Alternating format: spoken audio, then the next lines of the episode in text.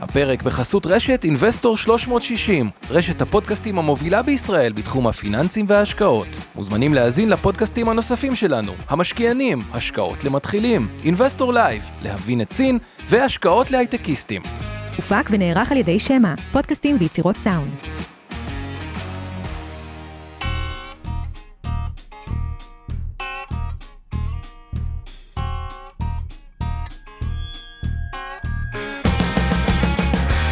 המשקיענים אבנר סטפאק ועומר רבינוביץ' בשיחה חופשית על התחומים החמים ביותר בעולם ההשקעות.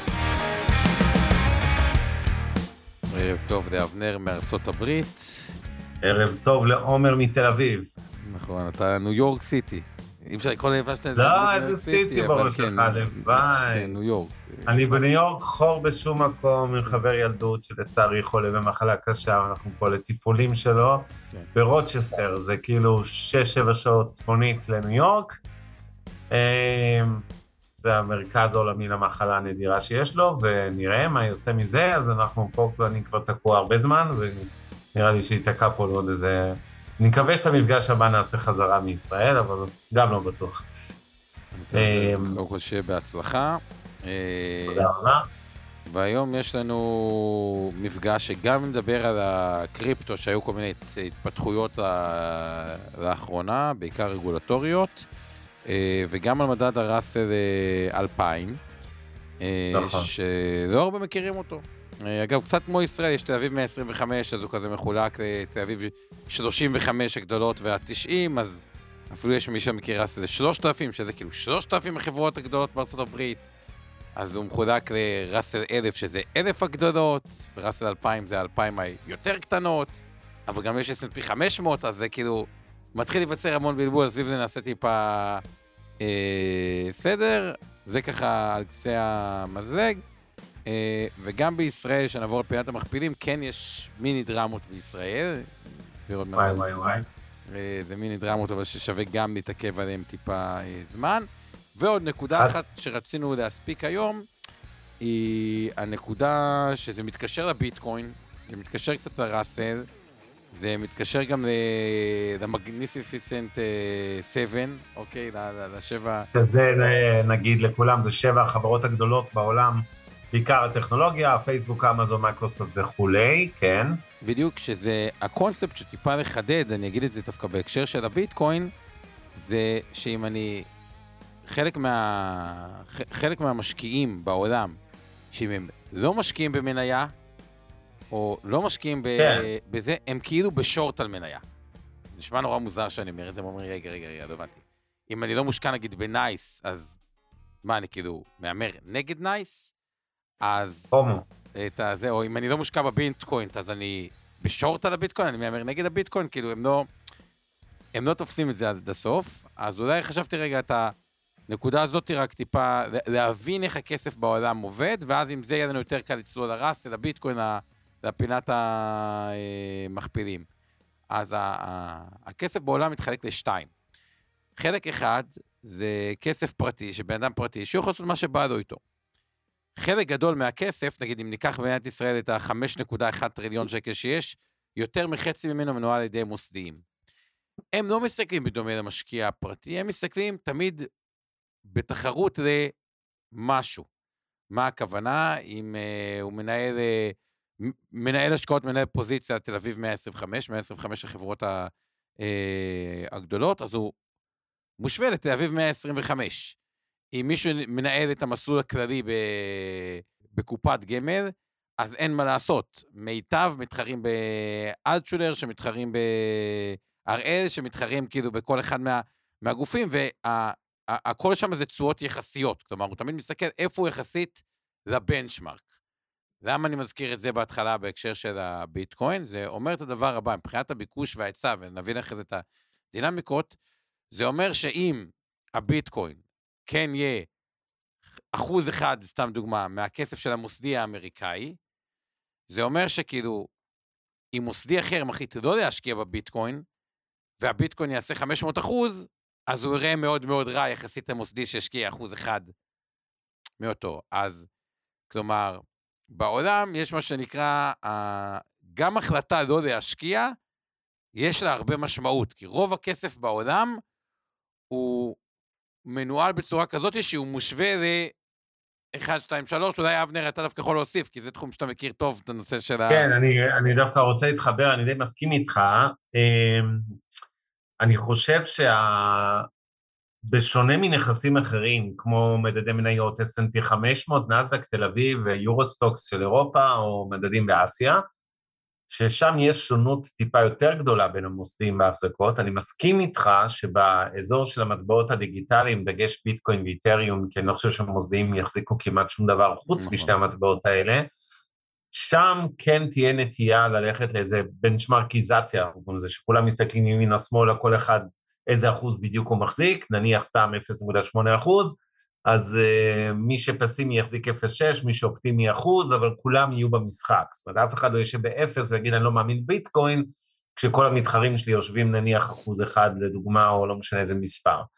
ולכן, יכולים, יכול להיווצר פה גל ביקוש עולמי, או גלים שונים, שבעצם נובעים מבאמת התחרות הזו שאתה מתאר, תחרות היופי, אנחנו קוראים לה בין המוסדיים, על התשואות, אבל שוב, זה רק פרמטר אחד, עוד איזו סיבה מסוימת להיות אופטימי, ספוילר להמשך על הקריפטו, אבל בואו נתחיל עם פינת המכפילים לו לפני שנגיד תודה לטובה שמאנוב שהמפיקה שאיתך באולפן, לשיר פלדמן, אלופה שעושה לנו את התמלול לכתוביות חרשים, כבדי שמיעה, וכל מי שרוצה לראות כתוביות מוזמן, אה, מי שצופה בנו מוזמן לעשות את ה-closed captions בזום ולראות אותן. וכמובן תודה לצוות שלך, עמי ארביב, אורן ברסקי ואור חלמיש, על כל העזרה בתכנים, ובואו נצא לדרך עם פינת המכפילים. אוקיי, okay, בואו נבין רגע את הדרמה. מה שקורה במדינת ישראל זה לא סוד, אנחנו עכשיו בכל נושא התקציב. אז מראש התשואות באג"ח ארה"ב מעט, מעט עדו. מה שאתם רואים באג"ח ארה"ב, שהתשואה עלתה ל-4.12 אה, אחוז, אה, אגב, המכפיל רווח של ה-S&P הוא כבר ב-20, כי השוק בעצם אה, עלה, שבר את שיא כל הזמנים. בארצות הברית, אגב, תמיד אנחנו מדברים על המכפיל העתידי, אה, כשהנסדק כמעט נוגע ב-30, הוא ב-29, ונדבר על העתידי, כלומר, הנוכחי הוא אפילו יותר גבוה. מה הדרמה שקרתה בישראל? השוק הוציא למשרד האוצר, נקרא לזה כרטיס צהוב light כזה. כלומר, הוא בסוף אומר, רגע, מאיפה אתה הולך אה, לממן את כל ה... הרי אם יש גירעון, יצטרכו להנפיק הרבה אג"ח. מישהו צריך לקנות את האג"ח הזה, ואיך אנחנו רואים את הכרטיס הצהוב light, שפתאום תשואות אג"ח על ישראל, שאני מזכיר, כבר ירדו מתחת ל-4, הם כבר ב-4.4 אחוז אה, תשואה. אה, וגם, אגב, באג"ח הקונצרני, מתחיל להיווצר קצת, אה, גם קצת ספרדים וגם אפשרות לקבע תשואות יחסית גבוהות. עכשיו, מה הבעייתי במצב הזה לאורך זמן? כי חברות, בסוף, אוקיי, הייתה ריבית גבוהה, הייתה ריבית גבוהה, מתי שהם יצטרכו למחזר, עד עכשיו לא היה כל כך פגיעה עסקית בהם, כי הם מראש היה להם אג"ח לטווח ארוך. אבל בסוף יבוא החלק שחברות חייבות לגייס אג"ח. ואם הם יפגשו ריביות גבוהות של מדינת ישראל, שזה הבסיס של העקום, אז גם מזה נגמר העקום שלהם. ואני רק אתן בתור דוגמה, אני אקח חברה בהחלט אה, יציבה, שאף אחד לא בכלל חושב שיש ספק ליציבותה, ניקח את, אה, לא יודע מה, חברת הראל, אוקיי? אז פתאום רואים כבר אה, תשואות של חמש-שלוש באג"ח כמו הראל לטווח כזה בינוני כזה, של חמש שנים שניתן לקבע, כלומר, התשואות על האג"ח מעט עלו, גם באג"ח הממשלתי, גם באג"ח הקונצרני. למה אני מתחיל מהדבר, ה... מהנקודה הזאתי? כי בסוף, כדי שיהיה ראלי בשוק המניות הישראלי, שכרגע אגב עבר לתשואה שלילית כבר מתחילת השנה של מינוס אחוז נקודה שמונה בתל אביב 35 ומינוס אחוז נקודה אחד בתל אביב 90, מה שהכי יצית את הראלי בשוק הישראלי, שבמובנים מסוימים הוא זול והוא בנוי לצאת לראלי, זה בעיקר המעקב הזה אחרי תשואות האג"ח. כי בסופו של דבר, שניתן לקבל באג"ח מדינת ישראל 4.4 אחוז תשואה, וש... זה לעשר שנים, רק בוא נגיד שנים. לכולם, זה לשנה באגרות חוב של אה, עשר שנים, ישראל. כן. ואם ניקח ככלל... כמובן לא צמוד למדד. כן. נכון, ואם ניקח כן. ככלל אצבע בהרבה חברות, גם היציבות שבהן, תוסיפו אחוז ומשהו, אז אפשר לקבל היום אה, בהרבה חברות מצוינות, חברות הכי טובות במשק. חמש וחצי, חמש שבע, חמש שש באג"חים הארוכים. אה, זו אלטרנטיבה לא כזו רעה למניות, ואז המוסדי, שהם הכסף הגדול, אוקיי, אומר, אני יכול להגדיל את השוק הישראלי, שסך הכל הוא באמת נראה בתמחור נוח. מצד שני, וואלה, אני יכול לקבע תשואות של קרוב לשש, ואם תהיה ירידת ריבית, תהיה לי גם אולי איזה רווח הון. אז uh, הכסף גם יכול להידחף במקרה הזה לאג"ח. כלומר, איך שאני רואה את זה, השוק הישראלי צריך שתהיה ירידת תשואות, וזה המפתח כרגע תלוי במדרגות האוצר, עד כמה אה, הם יצליחו להתמודד עם מציאות שהיא לא פשוטה, שבאמת יש גירעון וצריך אה, לקבל החלטות קשות, וזה באמת לא פשוט. אני מסכים ואני אה, אוסיף, אין ספק שמחירי אגרות החוב משפיעים גם על מחירי המניות, כי זה בסוף עולם של אלטרנטיבות, וברור שאם אני יכול לקבל ברמת סיכון יחסית נמוכה, לא ממשלתית אמנם, אבל אגרות חוב קונצרניות, נניח חברות ביטוח באזורי של חמישה-שישה אחוז, אז ברור שאנחנו נחשוב עשר פעמים לפני שנלך אה, אה, לקנות מניה שאמורה לעשות שמונה-תשעה אחוז, אבל עם תנודתיות מאוד גבוהה, עם סטיית תקן גבוהה, זה יכול להיות שנה מסוימת פלוס 30, שנה אחרת מינוס 20, הממוצע הרב-שנתי אולי יהיה שמונה-תשעה אחוז, אבל ברור שהפרמיית הסיכון, הפער בין התשואה הזו שהמניה אמורה לעשות, לבין מחירים של אגרות חוב בבורסה, כדוגמת הראל ביטוח שנתת, כן, אתה יכול לראות... וזה המקום כן. להזכיר את הערת הסיכון, שזו לא המלצה לקניית איגרת חוב של אף חברה. ברור, ברור, של אף חברה, זה רק אה, בכוונה... תמיד, אנחנו פה למטרות של חינוך פיננסי וכזה, ולא רוצים לייעץ, אנחנו לא מייצאים השקעות, זה לא תחליף ייעוץ מותאם לצרכי ונצא כל אחד מכם לעשר שעות מוסמך.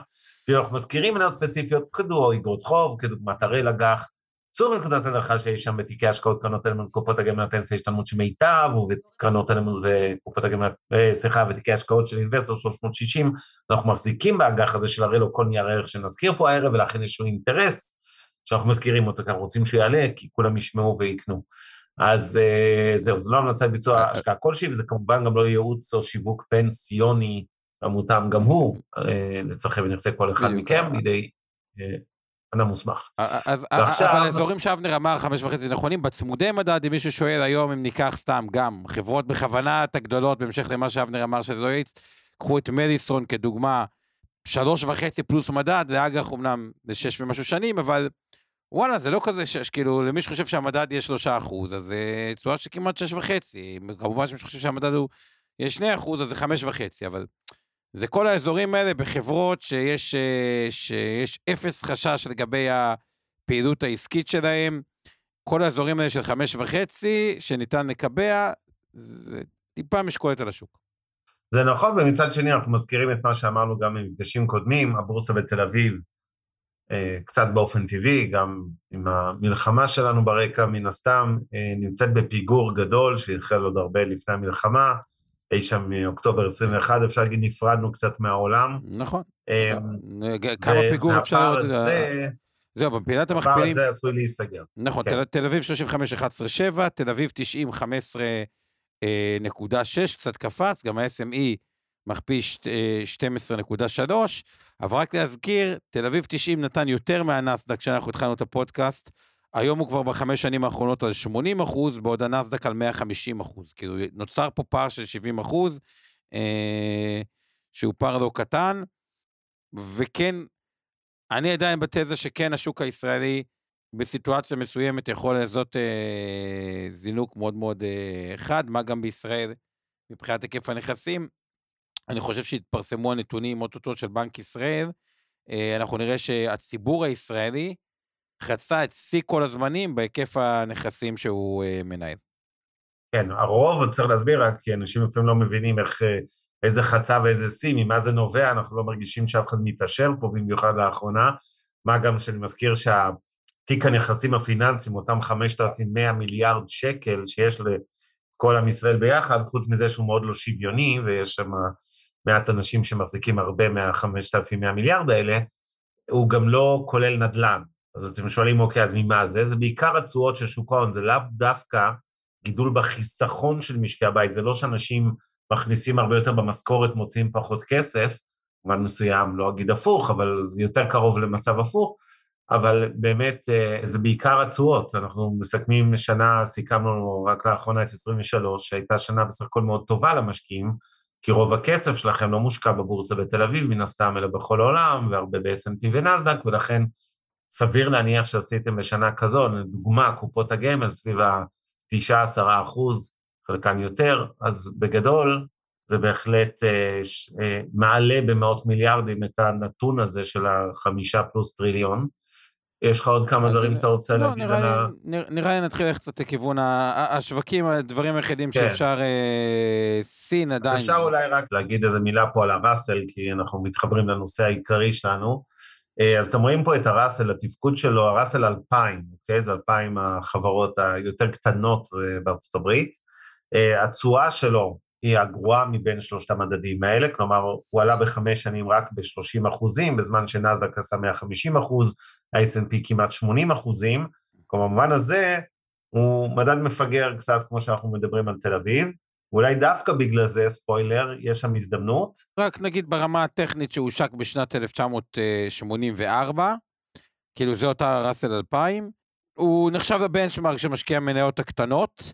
עכשיו, רק כדי להבין מה זה קטנות בארצות אה, הברית, השווי השוק הממוצע הוא 3.2 אה, מיליארד דולר, שזה בדיוק. קצת למעלה מ-10 מיליארד שקל, שבישראל 10 מיליארד שקל זה חברה גדולה.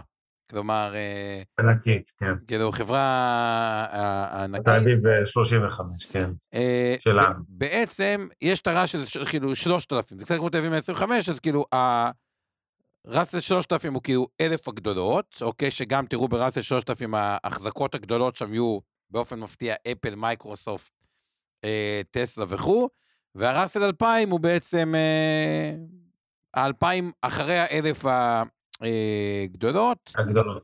אה, פעם בשנה מתבצע איזון חדש של ההרכב. עכשיו, איפה, ה... איפה הדילמה בראסל 2000? כלומר, מה האתגר, כאילו שאומרים? אבנר אמר בצדק, וואלה, ראסל 2000 פיגר. הוא עשה תשואת חסר, וכביכול אומרים, בן אדם, הלוגיקה הבסיסית שלו, היא, היא מה שהוא עשה פחות טוב. השאלה אם אה, אולי הוא צריך באמת לחזור לממוצע, כלומר, לעשות יותר טוב. אגב, אני חושב שהיום אנחנו, אני לא בטוח שנסכים היום, אבנר, אני כבר מכין מראש. אה, אין שום חובה כזאת, זה בסדר, כן. והשאלה היא כאילו, למה הוא עשה פחות טוב? עכשיו, עוד דבר שכאילו עוד יותר מחזק כביכול את האטרקטיביות שלו, היא שבעבר החברות הקטנות הניבו תשואה עודפת על החברות הגדולות. כי קשה מאוד להתחרות עם חברה קטנה שנהפכת להיות חברה ענקית. כלומר, סתם uh, NVIDIA היא דוגמה קלאסית הזאת, היא הייתה חברה בסדר גודל של ראסל 2000, אמנם מהגדולות בראסל 2000 לפני לא כזה הרבה שנים, והיא נהפכה לחברת כאילו ענק, אז... כן. העליית ערך שמה, והשאלה היא האם הוא היום uh, מעניין או, או לא מעניין. אגב, ברמה הטכנית, איך שנחשפים אליו, מי שבסוף ישתכנע שהוא מעניין, אז התעודת סל הכי נפוצה עליו נקראת IWM, שמנהלת 61 אה, אה, מיליארד אה, דולר, ויש גם את התעודה של ואנגארד, שהיא תמיד גם מנהלת, זה VTWO, שהיא בעצם התעודת סל ה... של ואנגארד, שגם הם יחסית פופולריים, אבל IWM היא כאילו התעודה הכי פופולרית בעולם על התחום. בוא, אתה רוצה להתחיל מהאינפוט שלך, ואז אני אתן את האינפוט שלי, או שאתה רוצה, איך אתה רוצה... כן, אני...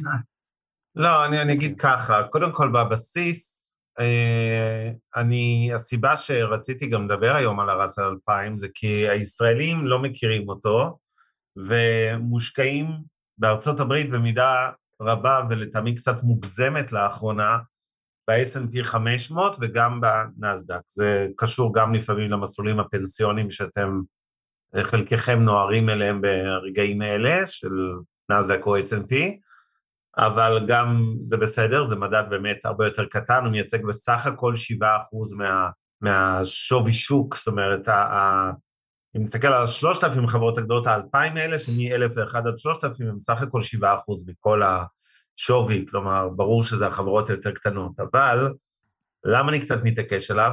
א', גם הפיגור הטכני הזה, נקרא לזה מול נסדק ו-S&P בתשואות של החמש שנים האחרונות, לדעתי מתישהו צריך להיסגר, ב', הוא מייצג הרבה יותר טוב את הכלכלה האמריקאית. הרי מה קורה ב-S&P ובנסדק? יש שם אומנם בעיקר חברות אמריקאיות, אבל רובן הגלובליות האלה הם בעצם, קשה לקרוא לאפל, כן, או גוגל או אמזון חברה אמריקאית, רק כי טכנית היא רשומה בארצות הברית. בסופו של דבר החברות האלה הן יותר מדד לכלכלה העולמית מאשר רק לכלכלה האמריקאית. נכון שעדיין אפל מאוד מושפעת מהצרכן האמריקאי, אבל בוא נגיד שבהכללה זה כבר uh, קצת כמו לקנות איזה מדד טיפה יותר גלובלי, חלקית לפחות, בלי קשר לעיוותים שאתם מכירים של אותן שבע חברות גדולות שמשכו את ה-S&P 500 ואת נסדק כמובן בצורה קיצונית למעלה. בסופו של יום, כשאני מסתכל על, ה, על החברות האלה, uh, שבראסל, מי שרוצה לקנות, להיחשף לכלכלה האמריקאית, רוצה להחזיק במשקל כזה או אחר את המדד הזה כי הוא מייצג יותר טוב את ארצות הברית. זה לא שזה לא חברות שגם מייצאות החוצה, אבל זה יותר הכלכלה הפנים-אמריקאית, שכמובן מתאוששת יפה מאוד uh, לאחרונה. זה קצת מזכיר, אם אתם זוכרים, עשינו דיון דומה על uh, אנגליה והפוצי 250 מול הפוצי 100, נקרא לזה הפוצי 100 זה ה-S&P 500 שלהם, ה-250 זה יותר כלכלה בריטית. במאה יש לכם חברות מכל העולם שנסחרות בלונדון. אה, אז אה, אני, ואני כן מאמין בכלכלה האמריקאית, למרות הגירעון העצום שמרחף שם אה, כסכנה מלמעלה, ולכן בעיניי ה-S&P, ה-Russell 2000 הוא מדד שאתם צריכים להתחיל להכיר, כי הוא יותר אמריקאי משני המדדים האחרים, הנסדק וה-S&P. אוקיי, okay, אז אני חושב, אני חושב שונה מאבנר. אני אומר את הדבר הבא. אגב, קודם כל, בשלושה, לפחות בשלושה חודשים האחרונים, הראסל נתן תשואה עודפת. כלומר, הוא נתן 18%, כשה-S&P נתן 14% ב... בשלושה חודשים האחרונים, בזמן המאוד קצר. כלומר, גם אם היה פער, חלקו קצת אה, הצטמצם. אתה יודע, בשבוע האחרון זה רק פער של 4%, זה לא משנה. נכון. שאלה של איפה אתה חותך, כן. למה אני חושב אה, שונה מאבנר? לקראת הפודקאסט היום בכוונה נכנסתי לטופ הולדינגס, שכאילו אה,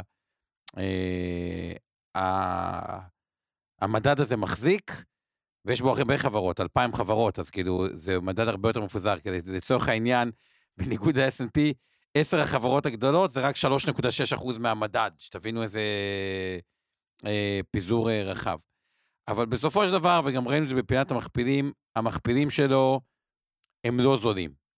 עכשיו, כשאני מסתכל על ה... וגם של ה-S&P הם מכפילים אה, לא זולים. אבל עם הבדל אחד, כשאני קונה את ה-S&P, בסופו של דבר, זה, כמו שאבנר אמר, זה לא חשיפה לשוק האמריקאי, זה בין היתר חשיפה לחברות המובילות בעולם, למרקט לידר של העולם, ולדעתי לבנות תיק השקעות בלי חשיפה לחברות המובילות בעולם, טוב, בוא, לא אמרתי רס על 2000 ונזרוק לפח יש עם זה בעיה. ככל שאנחנו עוברים בכלכלה יותר מקומית, אוקיי? אני חושב שאני לא רואה פה שום דבר מעניין, אני לא חושב שהצרכן האמריקאי עדיף על הצרכן הישראלי, אני חושב שבדיוק ההפך, הצרכן הישראלי הוא הרבה יותר אה, עשיר, גם אם הוא לא מרגיש כזה, הוא מרגיש עני, אבל במספרים אה, הוא הרבה יותר עשיר מהצרכן האמריקאי, הרבה פחות ממונף מה...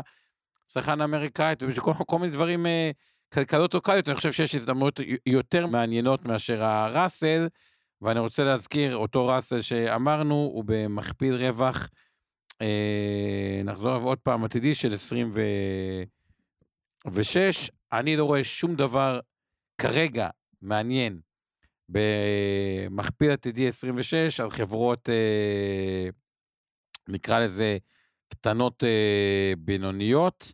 כן אני יכול להגיד שיש משהו נחמד שאפשר לעשות בתוך הראסל 2000, בגלל שיכולות להיות בו הרבה יותר עיוותים. אני סתם אוהב לעשות, אפילו אתם יכולים לעשות את זה באינטרנט, לעשות מה שנקרא ראסל 2000 הולדינגס, אה, כאילו את ההחזקות של הראסל 2000, ואז אתם יכולים אה, לקטרג אותם, נגיד לפי מכפילי רווח, או לפי כל מיני נושאים כאלה, ותמיד יש שם גם חברות, בגלל שהוא 2,000 חברות, הרבה חברות, כאילו, אחלה נתונים במכפילי רווח 10, 11, 12 כזה, שזה... שהן צומחות, שכאילו, זה מה שאתם רוצים, כאילו, בחברות קטנות בינוניות. חברות, כאילו, עם קצת צמיחה במכפיל, אה, במכפיל טוב. במכפילים של היום, קצת אה, קשה לי עם זה. אני יכול להגיד שיש כמה מניות שכן, בקרנות אה, נאמנות, סש בזה, שאנחנו מחזיקים מתוך הראסל 2000, אבל כמדד, הוא לא נראה לי כזה מעניין. טוב, אז אכן אנחנו חלוקים, ואני אסביר גם מה אני בכל זאת מוצא בו. שוב, ברור שזה לא המדד המרכזי, ושלא יובן אחרת, זה לא אמור להחליף לא את נאסדק ולא את S&P 500 בתיקי השקעות. אבל אני חושב שנכון כן להתייחס אליו בתיק גם, וקודם כל הפיזור הענפי שלו בעיניי הרבה יותר בריא מ-S&P ונאסדק, שמושפעים בצורה דרמטית מדי, לא רק מסקטור הייטק, אלא מאותן 7, 8, 10 חברות גדולות, הגורילות. ואני לא אוהב עד כדי כך להיות תלוי בקומץ חברות, נכון, שזה מייצגות כלכלה עולמית וזה, אבל עדיין זה קצת too much. בראסל 2000 הפיזור הוא מצוין, יש לנו את ענף הפיננסים הם בערך 16 אחוז, אה, תעשייה 17 אחוז, זה אמריקה אמיתית אה, בין היתר, הלסקר, כל התחום הרפואי 15 אחוזים, אה, הייטק, טכנולוגיה 14 אחוזים, אה, צריכה פרטית באזור ה-11 אחוזים, אלה מהדברים העיקריים, דווקא נדל"ן אגב במשקל נמוך יחסית, בערך 6 אחוזים בלבד. אז קודם כל, אני אוהב את המשקולות האלה של הענפים בראסל 2000, כי זה כאילו מייצג יותר טוב אה, את הכלכלה האמריקאית אה, בוודאי. עכשיו, ברור שמי שלא מתייחס לארצות הברית לכשעצמה כאיזה מרכיב שמן בתיק ההשקעות שלו, אז כן, אתם יכולים לדלג על זה ולהישאר עם S&P 500 אה, כאלטרנטיבה המובילה משלושת המדדים. אני פשוט חושב שהשוק האמריקאי, הכלכלה האמיתית של ארצות הברית, כן צריכה אה, לעניין אתכם, והיא לא מיוצגת טוב כל כך, ב, לא בנסדק וגם לא ב-S&P אה, 500. אה, אוקיי, אז נראה לי עם זה נעבור ל...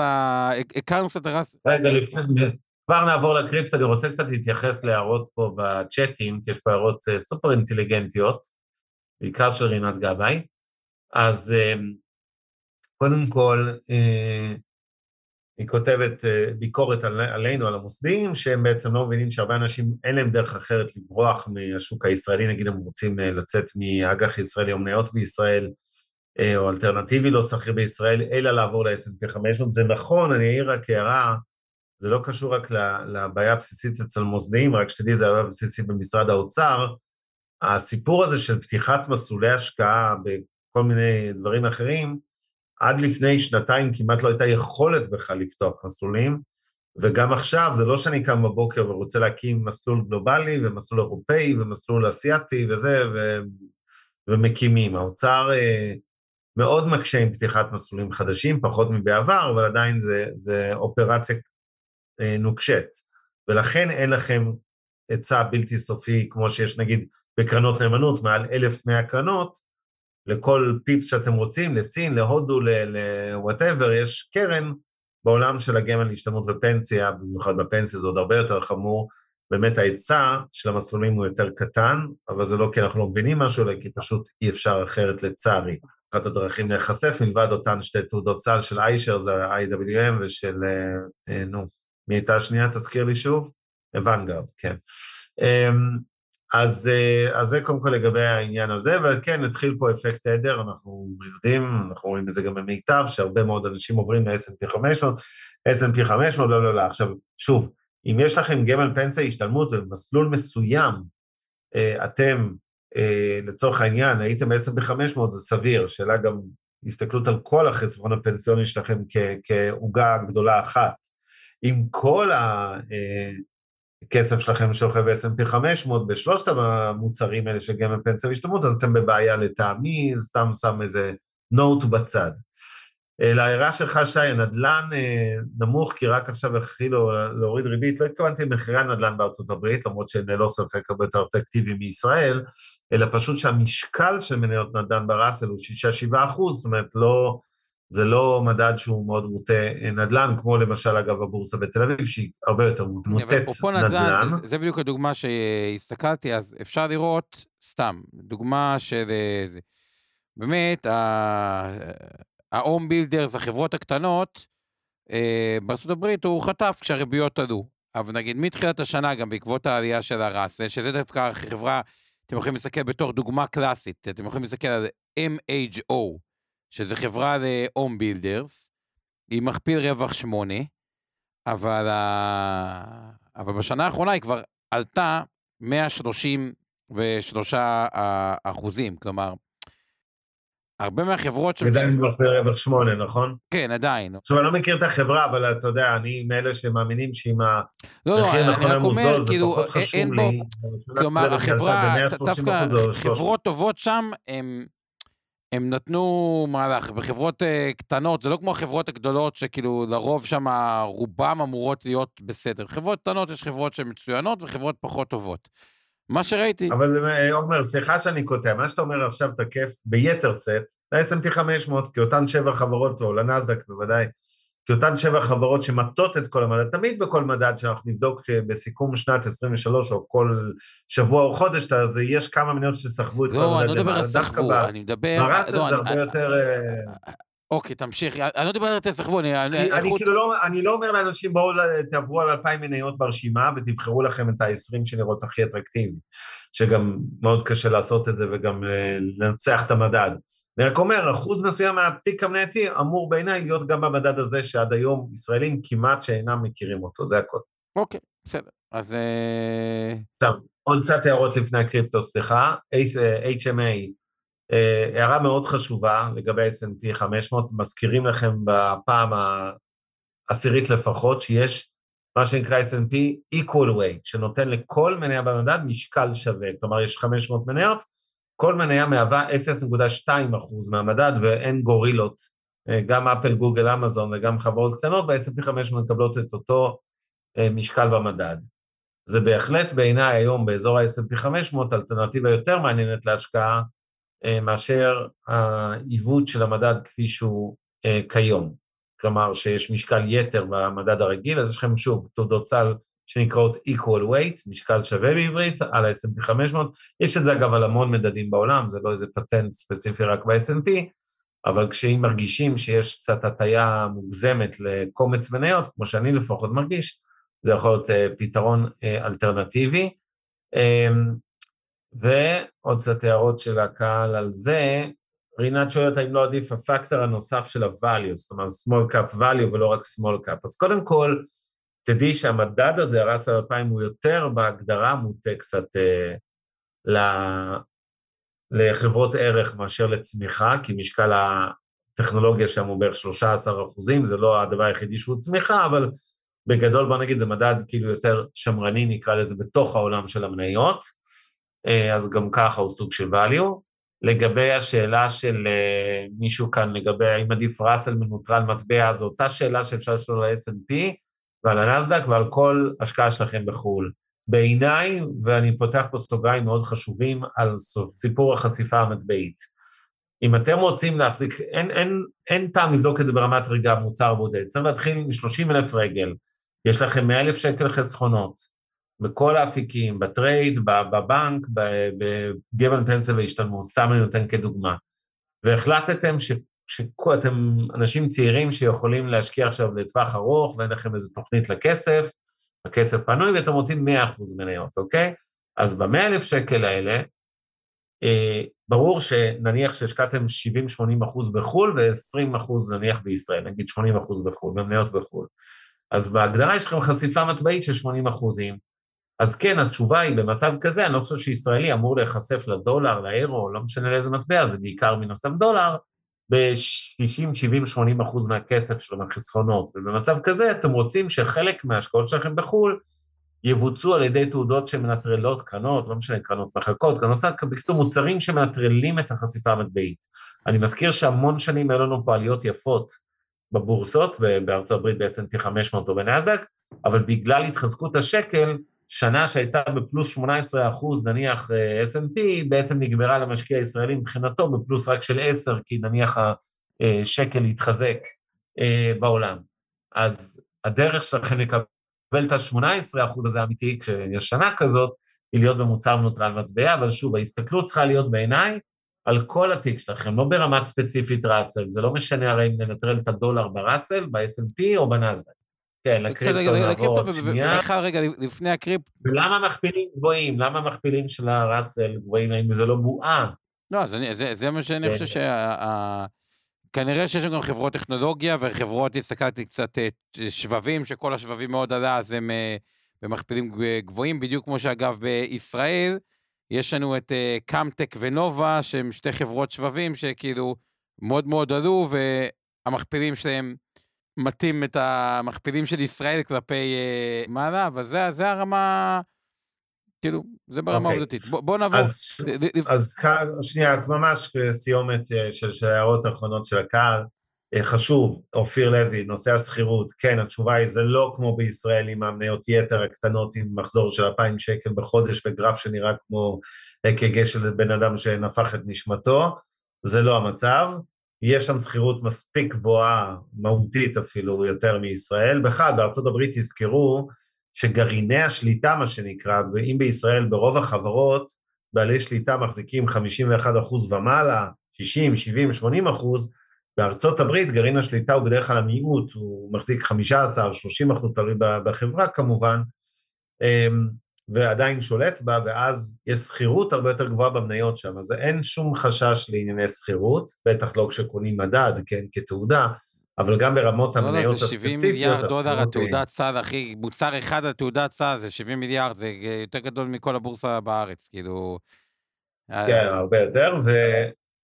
ולגבי סין, כי היו פה כמה הערות על סין, על המכפילים והכשל שוק של הבורסה הסינית, אה, אני, אני שוב אומר, אני מזכיר תמיד, אנחנו מדברים על אסיה מינוס סין, אה. כי רוב ההשקעות שלכם בתיק המניות באסיה לא אמורות להיות בסין, אלא דווקא בכל מה שמסביב. עכשיו, זה לא אומר לא להשקיע בכלל באסיה, אבל אה, בסין התכוונתי, אבל ברור שהמינון נמוך, זה כשאני מסתכל אחורנית על השנים האחרונות, ו- ומודה באיזה כשל שלי בעולם ההשקעות, זה זה שלא מספיק אה, אה, התייחסתי לסוגיית השקיפות, אה, אז- ונתתי בהם אמון גדול מדי. אה, אה, אה, אני כן חייב לאזן את זה רק עם דבר אחד במילה, אה, מי שעוקב קצת, גם אה, אני מניח שגיא רולניק, שהוא מרצה למימון, מדה מרקר, אתם מכירים אותו, הוא גם הרצה שנים פה בשיקגו, אה, והוא חוקר את כל נושא ה-corporate אמריקה, מה שנקרא, חברות אמריקאיות, זה כנראה אחת המדינות הכי מושחתות בעולם, אם לא המושחתת, בהיבט הזה של היחסי הון שלטון, של החברות, אתם יודעים שהתרומות, אפרופו אנחנו בשנת בחירות, טראמפ וביידן, אה, עוד רגע הגזרה מתחממת, אה, החברות תורמות מאות מיליוני דולרים לפני חברה בודדת למועמדים, לא משנה מאיזה משתי המפלגות, כלומר זה, זה אירוע שצריך גם את זה לזכור כשאנחנו יורדים על סין כל הזמן על הבעיות שלה. אז זהו, אז אז. אז, אז סין, כן. דווקא אני רוצה להגיד משהו, איך זה מתקשר לקריפטו, אוקיי? שזה, שמה, כן. זה בדיוק מה, ש, חבר. מה שקרה ב...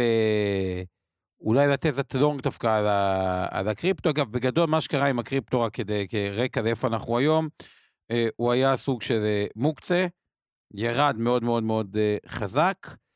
אה, התחילו שמועות לגבי הנושא שיאשרו מה שנקרא אה, תעודות סל על הקריפטו לכל מיני חברות כמו BlackRock, WisdomTree, כאילו Fidelity, כאילו שאפשר לעשות בעצם ETF, ואז התחיל ראלי מאוד מאוד חזק אה, משערים עם ה-GBTC, הוא עלה מ-8, שתבינו איזה עלייה שהיה בשפל, עם כל מיני בעיות שהיו בקריפטו, עד ל-40, שזה עלייה של מאות אחוזים, כלומר היה פה איזה 300 ו...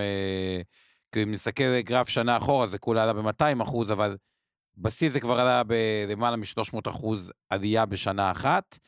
ואז מה שנקרא, כמו שאומרים, קנה בשמועה, מכור בידיעה, איך שכבר יצאו התעודות סל שמאפשרות למוסדים, כנראה הרבה ספקולנטים שלקחו את הטרייד הזה, קנה בשמועה, מכור במכירה, באמת מכרו את זה, וראינו ירידה די חזקה בחודש, כאילו, ירידה של בערך 20 אחוז מה...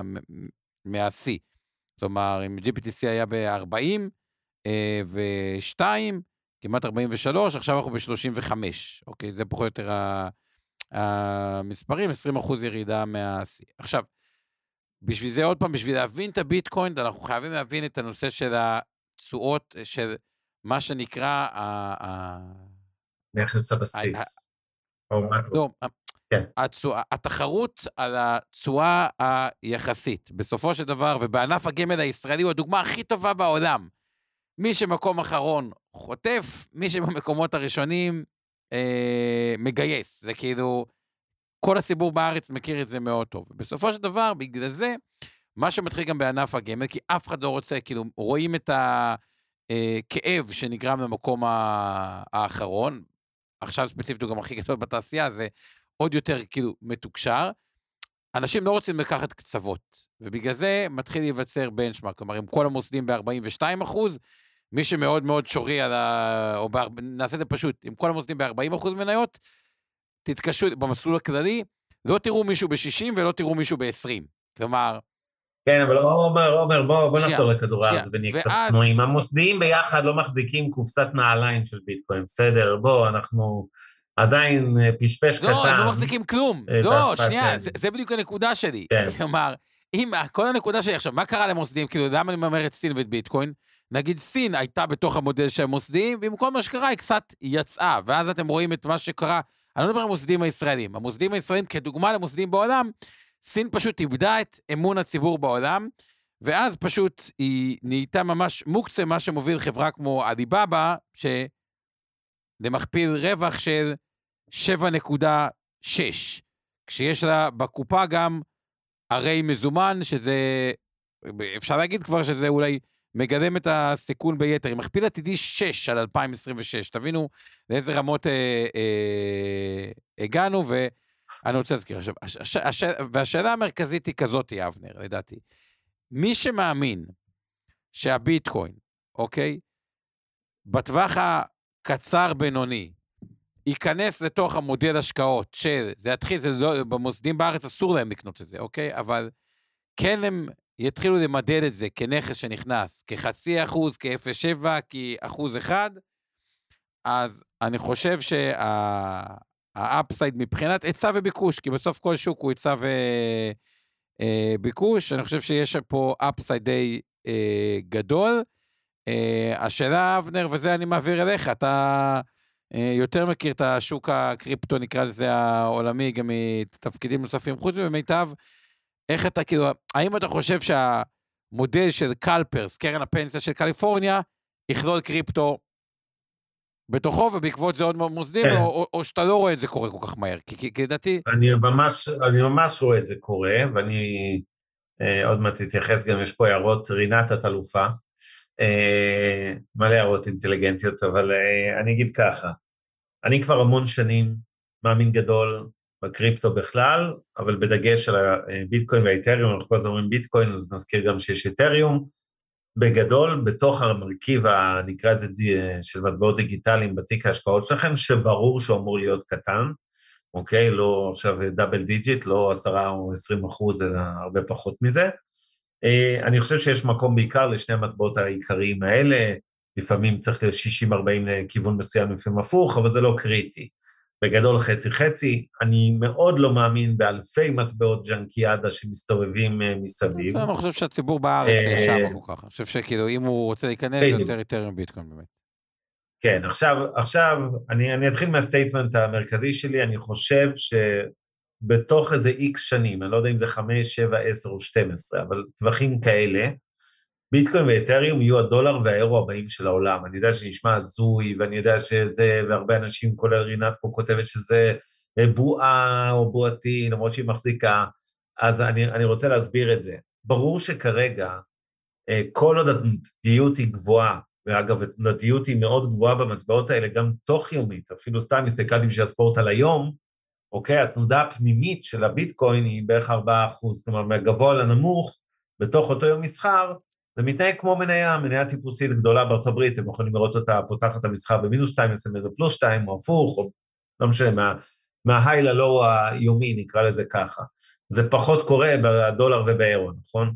ברור שתנאי בסיסי, כדי ששני המטבעות האלה יהפכו להיות ה... לא רק אלא חוקי בעולם, אלא באמת מטבע אה, נפוץ אה, ושימושי ביומיום שלנו, תנאי בסיסי זה שהמחיר יתייצב. כמו שסלי כותבת, אין לנו כדור בדולח, אבל מתישהו זה יקרה, כשהתנודתיות תרד, כי אף אחד לא, לא ישים, אה, אה, ישתמש, ישים חלק מהותי מהכסף שלו במטבעות כאלה, כל עוד הם זזים כמו מניות. שתיים, לדעתי, הרגולטורים, לא סתם מה שקורה כרגע בארצות הברית, אלא אני חושב כמגמה, הולכים בשלב הראשון לאפשר באמת יותר ויותר תעודות צה"ל, שזה יהיה פתרון שצריך להבין את הסיבוך היום. כשאתם רוצים היום לקנות אה, ביטקוין, ארנק קר, ארנק חם, כל המושגים לא ניכנס להם, יש לנו גם מעט זמן. זה עסק מורכב, אבל כשאני אגיד לכם שיש תעודת סל, והיא לא GBTC עם כל הבעיות שלה, אלא תעודת סל באמת פשוטה, שאתם קונים כמו מניה בבורסה, או כמו כל תעודת סל אחרת, והיא נותנת לכם חשיפה כמעט מדויקת לביטקוין ולזה, וזה לא לכם 4, 5, 6 אחוז לכיוון לא, אה, עמלת קנייה אפקטיבית. זה, זה בדיוק מה ש... לא, אני אומר, הנה, IBIT נגיד לא, של בלק כן. רוק, שכולם מכירים את BlackRock, גוף ענק, הוא... נכון? זה, זה, זה, בדיוק מה שעשו. הוא, והוא כבר מנהל... אז אני אומר, כל התעודות, כל התעודות האלה הופכות את זה למוצר הרבה יותר נגיש, גם למוסדיים, כי יש פה הרבה שאלות רגולטוריות וביטחוניות שקשורות לארנקים, גם למוסדיים וגם לריטל, לציבור הרחב. כשהסכר הזה נפרץ, אנשים יקנו הרבה יותר תעודות סל ופחות יתעסקו באיך אני קונה ארנק, מחזיק ארנק, אני מניח שזה יהיה אה, משמעותית אה, יותר לא, נפוץ אז בתיקי אז- השקעות אז של זה כבר כולם. קרה. הקטע של התעודות, שפידליטי יש שם תעודה נקראת FBTC, וש... כן, אבל אין... ש- שבלק רוק, אה, IBIT, זה, זה, בדיוק קרה, זה, זה, זה מה שעבר, פשוט. אני אומר, אני מדבר על זה עכשיו, על הרפורמה של כל האישורי התעודות למיניהם. נכון. אמ, אז אם אני... זה- זה- זה- זה בעיניי אה, מהפכה משמעותית מאוד בעולם הקריפטו, זה מה שאני רוצה להגיד. יפה, אז, אז, אז אם אני מסכם לפחות את דעתי, ונראה אם זה נראה לי נתחיל כ- להתכנס ככה, לארוז. אה, לארוז זה ככה. תחשבו על מה קרה למנהל השקעות שחשב שאינווידיה היא בועה, אוקיי? ולא היה בתוך אינווידיה. אז הגיע איפשהו באזור, אני מזכיר, היה את הדוחות הכספיים של... אה, אה, איפשהו באזור... אה, מאי, יוני, את, ההפתעה הענקית בדוחות הכספיים שלהם, והחברה קפצה באותו יום בצורה... נסתכל על זה... כמה, היא, היא קפצה בצורה די פראית, אוקיי? ואז, אם אתם מנהל השקעות בעולם, שחשב שאינווידיה היא בועה, לא משנה מה, אחרי שהיא קפצה, אתם כאילו מחויבים להגיד, אוקיי, אם כל העולם נגיד נמצא אחוז מהתיק של אינווידיה, אני, אם אני שונא אותה, אני אהיה חצי אחוז, אבל אני כבר לא יכול לא להיות בה, כי אם אני לא אהיה בה, בסוף יפטרו אותי, כי אם היא תעשה טוב, אז הלך עליי. כלומר, בתי הקברות מלאים במנהלי השקעות שנמנעו מה-7 המגניפיסנט האלה, ומי ששונא אותם, הוא עדיין חייב לקנות אותם פשוט אולי קצת פחות מהשוק, אבל הוא לא יכול להיות שם.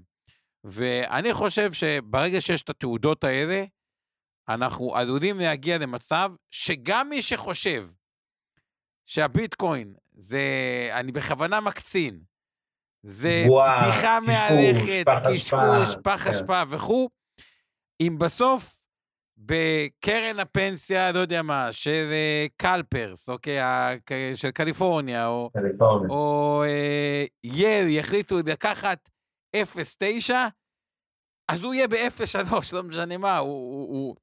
יהיה לו בעיה לא להיות בזה, כי ככל שתחום הוא יותר טכנולוגי, אוקיי, אגב, ככה גם נוצרות בועות הרבה פעמים והתפוצצויות של בועות, בלי קשר.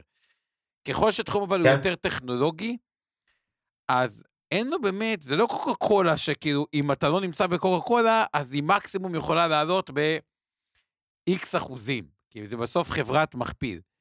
הבעיה בתחומים הטכנולוגיים, שכאילו, הם, גם אם נכנסים לטריטוריה של בועה, אם לא הייתם חלק מהבועה, כאילו חלק מהעלייה של מאות אחוזים, אתם כבר כל כך כל כך מאחורה בתשואות, שיש בעיה. אז ראינו את זה עם קטי ווד בחברות הקטנות בינוניות, שהשוק הלך לשם אולי ביתר סט, אבל אתם, מי שמבין מראש את תחילתו של גל, שכאילו, אה, שהמוסדים יכולים להחזיק בזה, עדיף להיות בתחילת ההתפתחות של זה, ולא אה, לא בסוף, ולכן סך הכל אני חושב שיש פה הימור שהוא יותר מושכל ממה שהוא אה, נראה, נכון, אני מסכים. ולהיחשף לתחום. אני בעד ואני מקסים, ואני חושב שרינת לא צריך לדאוג, יש יתרון ראשוניות לביטקוין ול...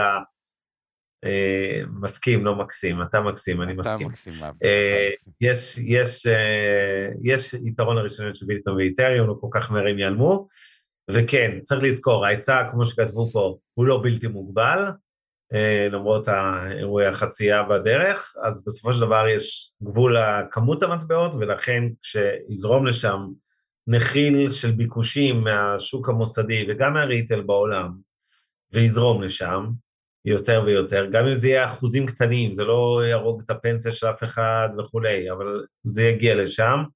אז בסוף לא יעזור כלום, לטווח ארוך זה כנראה תהיה השקעה טובה בהשוואה לכל האופציות האחרות. אבל אה, אה, זאת אומרת בהשוואה למניות וכולי, ושוב, זה אמור להיות רכיב נמוך בתיק ההשקעות, לא להתפתות ולתרגם את זה למסקנות קיצוניות, זה לא, זה, זה באמת לא אמור להיות יותר מאחוזים בודדים מהתיק שלכם, אני לא מציע להתעלם מזה. אה, עומר, אני מציע שנסיים כאן, אני צריך כבר לחזור פה לעניינים. אז חברים, שיהיה שבוע טוב, שיהיה באמת בשורות טובות בתקופה הזאת. אמן. כי תקופה, נקרא לזה, אה, מורכבת, וכמובן כל מי שיש לו משפחה וזה, ב... שמשתתפים בלחימה בצורה יותר אקטיבית, יותר פסיבית, אז אה, באמת אה, שיחזרו הביתה אה, בשלום, וגם אצלך, אבנר. בשלום. בגזרת... ושיגיעו כל החטופים. כן. ואני רק אפרד מכם על רקע תמונות השלג שיורד פה מהחלון שלי, לא יודע אם רואים אותו. זה שלג ניו יורקי. ניו יורק לא של העיר ניו יורק, זה צפון אה, כן. ניו יורק. רואים משהו? כן, כן, כן, כן, כן, כל אה, שלג. אז... כן, לא, גם יורד, אני לא יודע אם רואים את ה... את זה לא רואים, את זה לא רואים, לא רואים את זה ב... לא נורא. קיצור, תעשו טוב, זה חוזר עם ריבית, זה אני מבטיח מניסיון. גם פה נראה לי אנחנו נביא את הריבית. וכמובן, אנחנו שוב רוצים לראות את 136 החטופים שלנו, שרובם בחיים, מיותם לצערנו כבר לא איתנו, חזרה, ואמן, אמן, אמן, שואף לאפס הרוגים, חיילים. אה, לצערי אנחנו אחרי יום קשה כן, מאוד כן, מאוד. מאוד, מאוד. יום מאוד קשוח. אמ, אז זהו, שיהיה לילה טוב, וניפגש בשלישי הבא. ביי ביי. הפרק בחסות רשת Investor 360, רשת הפודקאסטים המובילה בישראל בתחום הפיננסים וההשקעות. מוזמנים להאזין לפודקאסטים הנוספים שלנו, המשקיענים, השקעות למתחילים, Investor Live, להבין את סין, והשקעות להייטקיסטים. הופק ונערך על ידי שמע, פודקאסטים ויצירות סאונד.